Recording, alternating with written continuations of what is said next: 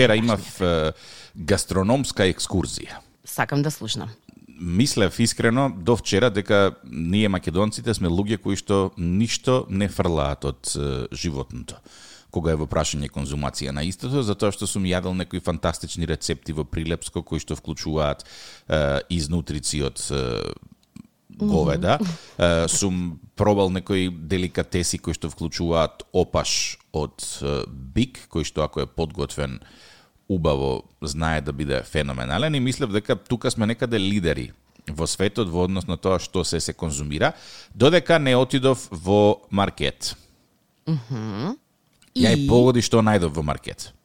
И па ако опаш се спрема кај нас, ја стварно не знам што подалеку од опаш може да се најде во маркет. Е, видиш, и јас истото го мислев. Што е тоа што може да се најде во маркет и е, буп, цуп, копито. Копито. Да. Како ноџе. Како ноџе, да. Копито од крава за само 3 евра парче. А што специјалитет може да се направи со копито од крава? Искрено не знам, го купив и денеска Го ќе купи? Да, го купив. За 3 евра го купив. Ке, сликата за 30 секунди ќе биде на нашите социјални мрежи и денеска ќе се обидам да видам што може да се сготви од тоа копито. Ќе го студирам, ќе го вртам лево-десно. Моја предпоставка ништо друго освен некоја супичка. А ова е јавен повик ако некој помрсна. знае што да се направи со копито да да ти пише во порака, така? Апсолутно, да. Инаку може да се користи како ладно оружје дефинитивно. Тоа тргнав да се прашувам, викам ајде да си покјутам сега да не испадне дека љуба морам дека кај нас нема копито во супермаркети, ама Дефинитивно може да се користи како ладно оружје, меѓутоа баш ме интересира на кој начин се конзумира тука и денеска е, решен сум како денот вкус има копито? папци свински си јадела со граф. Се разбира дека не. Е па очекувам да биде сличен вкусот. Гледај сега, гледај сега многу интересна работа. Според ова што го кажа, дури и терминот копито едно веќе ја губи својата смисла. Да, затоа што може да искочи дека ќе биде многу вкусно. Што значи дека копито едно и не е толку голема навреда ако заминеш да речеме во друга земја. А, извини, дали си ти вкусно копито или не? Какво копито си ти?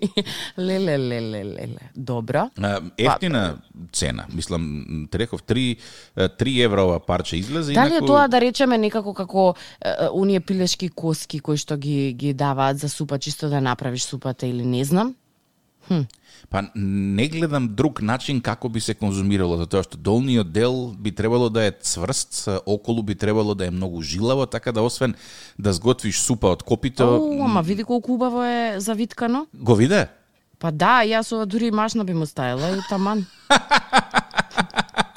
Копито на неделата му го даваш на некој како подарок, кој ка повели што Ја заслужи оваа награда. Немој да се трудиш веќе, повели. Ама не, на вистина гледа како изчистено, добро средено. Ова е копито од крава. од Говецко, крава. да. Како сме сигурни? А, има, Има, крава слика од крава на, на извини, да, паковката, за како сме сигурни. Да. Плюс тоа свинските папци се многу помали. Да. Вакво има копитото? На свињите, да, помало. Не толку Како големо. после како после маникир. Е, ако ако не се сеќаваш какво име копитото на свињите, ќе ти сликам денеска од Не, не, не мора, во рете доволно е и што се едуциравме на тема какво е копитото на кравата, така што би рекла дека полека полека се ти одеднаш влезе со копитото и сакаш се да пока... не мора полека Пред некој само ден ги виде пилешките прсти, така? ги видов тие беа буквално пилешки прсти. Да. И буквално Значи, тоа добив кога бара во- пилешки прсти. Да, значи ако дојдеш во Португалија, ако побараш дајте ми вемолам пи- порција пилешки прсти, ќе добиеш на вистина прсти. Да. од коковче. Да. Така што а а е тоа сега ми се постава како прашање. Копито, пилешки прсти, имаат ли некакви скриени фантазии португалците со нозеве од животни? Немам појма, ама тоа треба да се распрашам да видам дали има. Ама ти некако да, недела за недела нозе од ова животно, нозе од она животно. Што е со нозете и со португалците? Мислам дека се толку ориентирани кон зачувување на природата што сакаат максимално да го искористат секој дел од животното. Како со тоа што нема да им даваат нозе за да одат? Не Не, разбирам. не, ти кога више ја колеш кравата, дај целата крава да ја На пример, исто како и кај, кај нас, и овдека опаш телешки е специјалитет. И го пробав и морам да ти кажам дека е добар. А има еден куп луѓе кои што се као, «О, телешки опаш да јадам, не доаѓа предвид.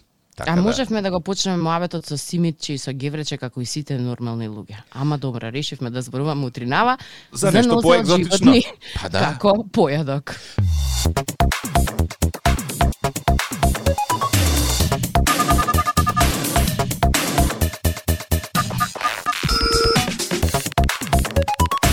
Од копита во супермаркет се селиме на вистински копита. Или подетално како А, или подетално копита кои што крадат од места на кои што не треба да се краде. Донирај компјутер е донација која што обезбедува компјутери за децата кои што на вистина им се потребни, а функционира на тој начин што сите непотребни компјутери може да се донираат кај нив. Е арно ама вчера во текот на денот некој провалил во канцелариите на Донирај компјутер во Кавадарци и украл 6-7 лаптопи кои што дечките од Донирај компјутер ги сервисирале и ги спремале за оние на кои што им требаат. И прашањето е колка во дно треба да бидев за да украдеш од организација која што нешто донира. И под најниското дно, малку пониско. Затоа титулата Копито на денот оди кај тебе.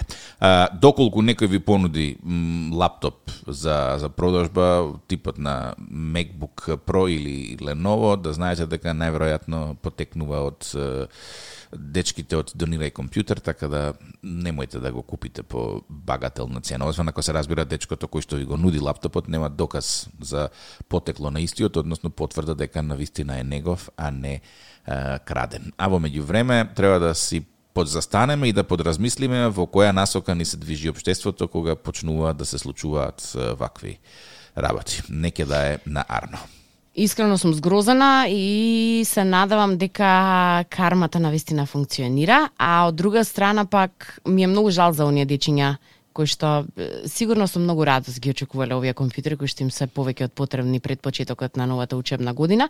Знам дека сега веќе се, се е вратено со физичка настава, меѓутоа сигурно сум дека ќе им помогнеле и те како за да си помогнат правејќи не знам некои од овие проектни задачи или истражувајќи на некоја тема на која што сакаат. На крајот на криштата не секое семејство може да си дозволи да има компјутер или повеќе компјутери, па верувам дека многу ќе се израдува овие дечиња со тоа што ќе ги добија, меѓутоа на крајот на криштата завршиле во некои погрешни раца. Ми е многу жал што слушам една ваква вест утринава, но се надавам и верувам длабоко дека и оваа ситуација ќе ќе се врати назад во контрола, односно дека ќе има среќен крај целата оваа ситуација, за, особено за дечињата. Стаса една порака вели купив и ставив нови брисачи на колата на жена ми и некој културно ги украл и ги ставил неговите парталави.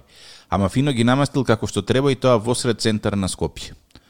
Каков поган народ живее овде. Така да, ако се крадат па, брисачи, што останува сега. за Не, не се крадат, замена е извршена тука. Тука не е извршена само кражба, туку замена, само дечкото си ги заменил неговите кои што веќе дотраја. Леле, леле, леле, добри са че ли не стаса? Добри се чини Стаса очигледно.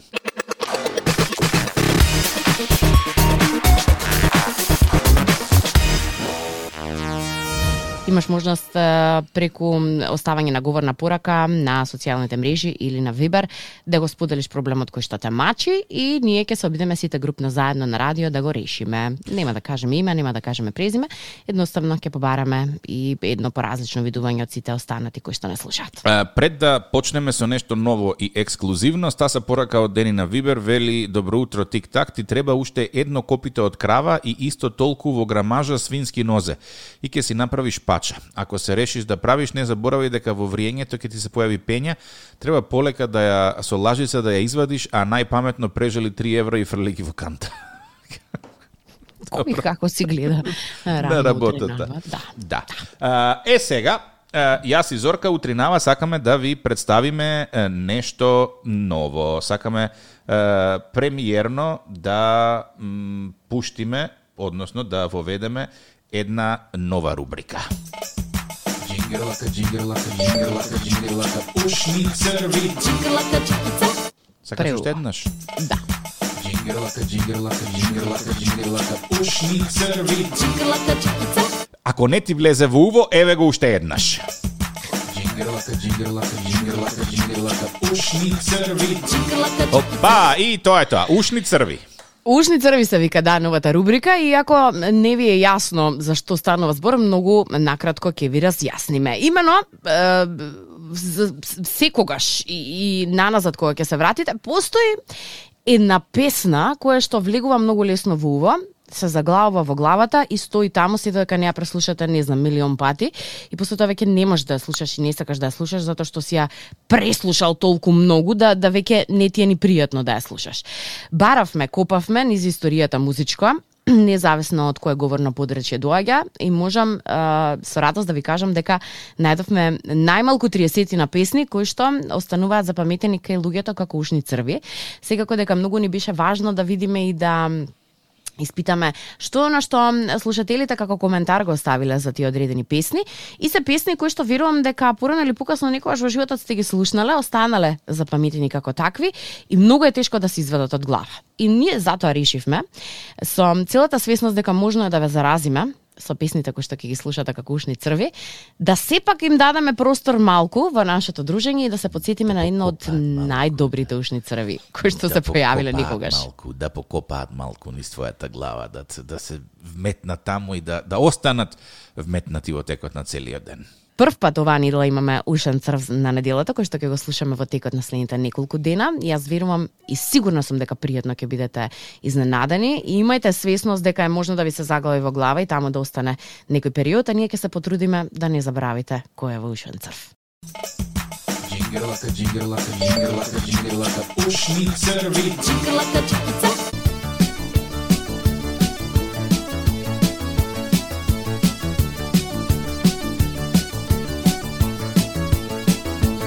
Тик-так и Зорка, добро утро, предходните емисии ги имаш на слушај.тиктакизорка.мк, Тик-так и Зорка на Facebook и на Instagram и 079-274-037, телефонскиот број на Вибер, на кој што можеш да стапиш во контакт со нас и да правиш е, муабет.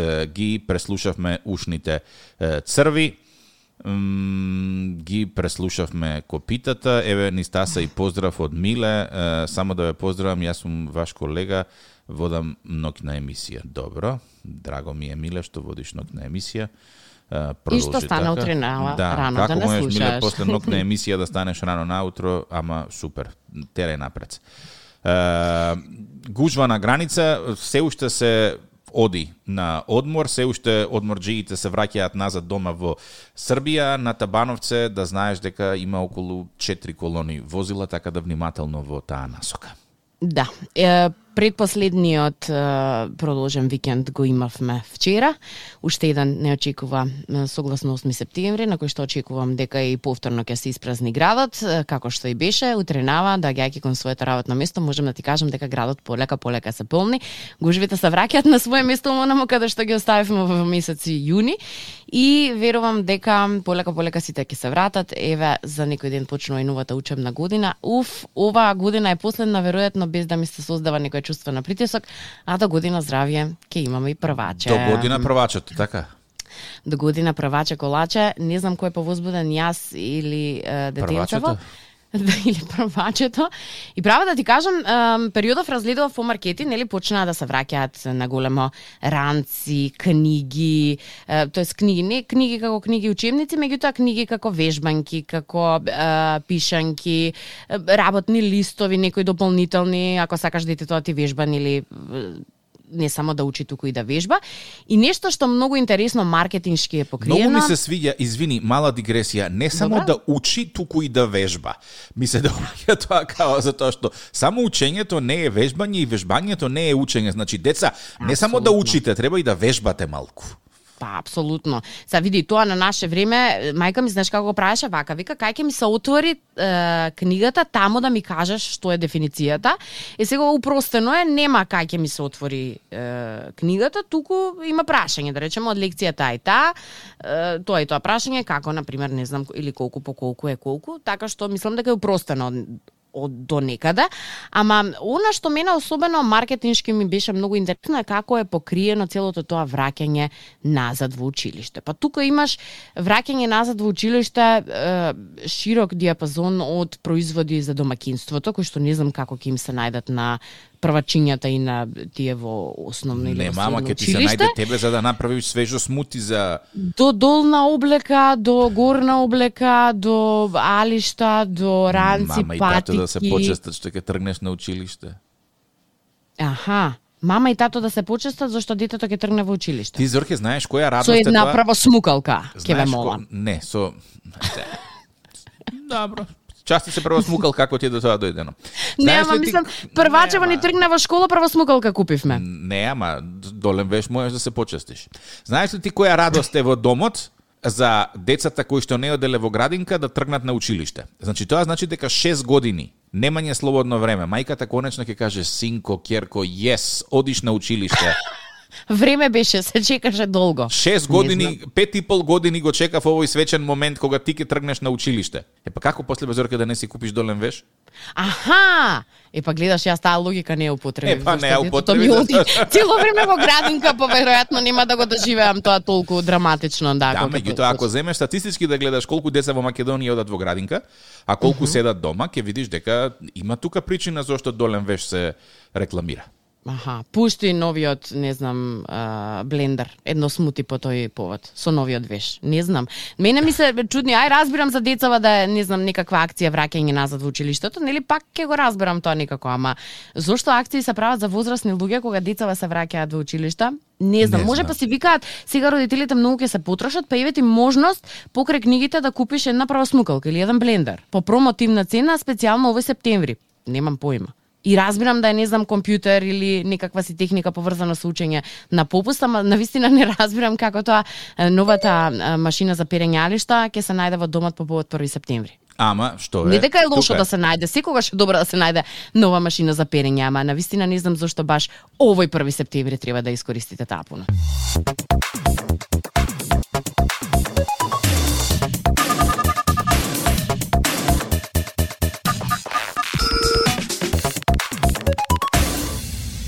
9.9 на Радио 2, Тик-так и Зорка. Добро утро, предходните емисии на слушай.тик-так и Зорка.мк. Тик-так и Зорка на Facebook и на Instagram и 079-274-037, телефонскиот број на кој што можеш да не добиеш, врти на е, Вибер. Завршува сезоната на годишни одмори и сите полека-полека се враќаат од е, некое море, а јас чисто од љубопитност тргнав да анализирам е, кој град во Македонија е најблиску до морето во однос на надморската височина и Зорке не се изненадив ама ич. Добро. Што мислиш? Какви се бројките? Бројките се е, ниски. Гевгелија. Ниски? Да, најниско. Добро. Е, просечна надморска височина 60 метри, варира од 48 до е, 80, што значи дека горе-доле во Гевгелија и нема некои големи брда, значи само рамно си одиш, Тепсија, И што би се рекло Тоа е тоа. Да, и Тепсија. потоа тука географски си си оди. Значи имаш Гевгелија, па Богданци, па Демир Капија, па Неготино, Валандово, Велес, Скопје, Струмица и стигаме до оние повисоките градови. Што мислиш кој град во Македонија е највисоко ситуиран? Ај, не знам. Е, ајде. По некоја логика на нештото би требало да е, кој е високо? Еден од твоите омилени е да кажеме. Од моите омилени македонска каменица. Ма, Не, Македонска каменица е точно на средина. Просечна надморска височина е Свети Никола. 530 ме- Како бе Свети Николе, Зорке? Свети Николе е Берово. равно... Е, Берово е, да. Берово е на 31 од 34 места. Просечна надморска Оу, височина многу бе близко, 80... топло, топло, а? 846 метри. Да. И па, веројатно, 70 метри е разликата од најниската и највисоката точка во Берово. Крушево, дали е највисоко? Крушево е највисоко, Зорке, браво! Петка на рачето чекам, добра. 1220 метри надморска височина. Да, да, да, да. А, 1150 е, метри е најниската, 1280 е највисоката точка, така да ако тргнеш да се движиш низ Крушево, ќе качиш некаде околу 180, е, извини, 130 метри. Што значи дека знаеле твоите на времето кај да купат куќа, а? на највисокото. Моите не знаеле, туку баба ми на времето кога бегала од турците знаела каде да се скрие. Аха, аплауз за баба. Мислам сватиле Браво. дека турците како така ќе дојдат и до горе, ама повеќе Значи, време ќе им треба да отидат. И ќе се изморат, ќе ту пауза малце. А, значи, дефинитивно Гевгелија е најнискиот град, да речеме. Најблиску до море, нај... да. Да, а највисоко е Крушево. Кој е после Крушево ме интересира? Нема највисоко на е Крушево. Не, не, ако е Крушево на- највисоко место, кои се Пехчево. четврта? Е, Пехчево е следно на 1000 метри надморска височина просек, најниската точка е на 960, највисоката е на 1050 метри, а по Пехчево е, Ресен, Берово, Охрид, Струга, Девар, Прилеп, Демир, Хисар, Крива Паланка. Тие се од 25 до 34 место според висината. Така да, добро не е лошо. Значи, тие се тие воздушни бањи. Да. А најголема, најголема разлика е, има. Скопје, 155 метри. Помеѓу најниската и највисоката точка. Затоа што дел се вселени на водно на средина на планината, а дел се доле во центарот. Па да, најверојатно, најверојатно водно игра битна улога во тоа како Скопје. Па и не е само водно, и. Радишани е на високо и, и други делови, така што верувам дека и тоа игра никаква си улога во пресметките.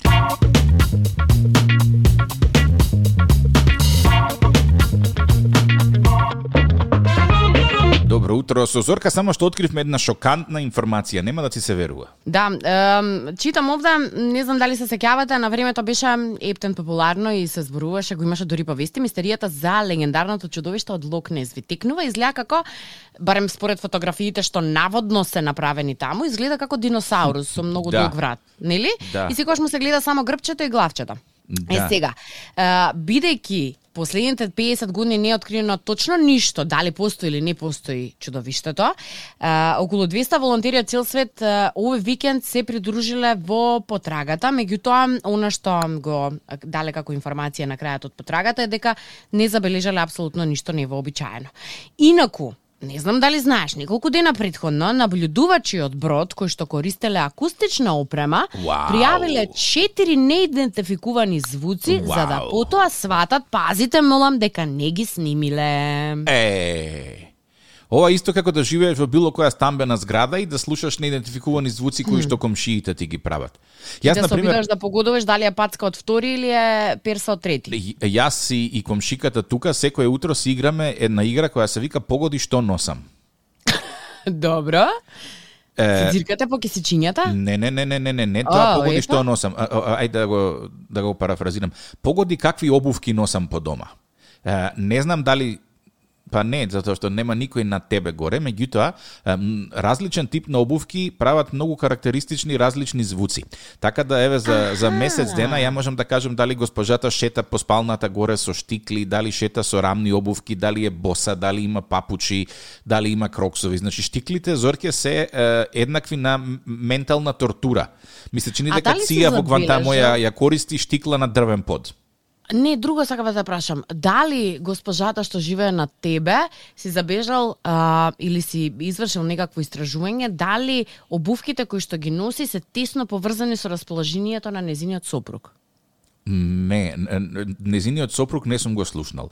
Го слушам само бебето кое што плаче и ја слушам неизе кога шета со штикли низ стан. Најверојатно кога се подготвува да оди на, на работа. И тоа е... Може и ти треба да почнеш да плачеш, па ќе престане да користиш стикли. Подуслов малку погласно, за да те слушне дека ти пречи. Мислам, друго решение јас не, не најдов во ситуацијава. Добро ми се добаја твојата креативност. Мислам го заборавивме мојабетот првично кој што го почнавме, но Да, да, плачи тик так, плачи.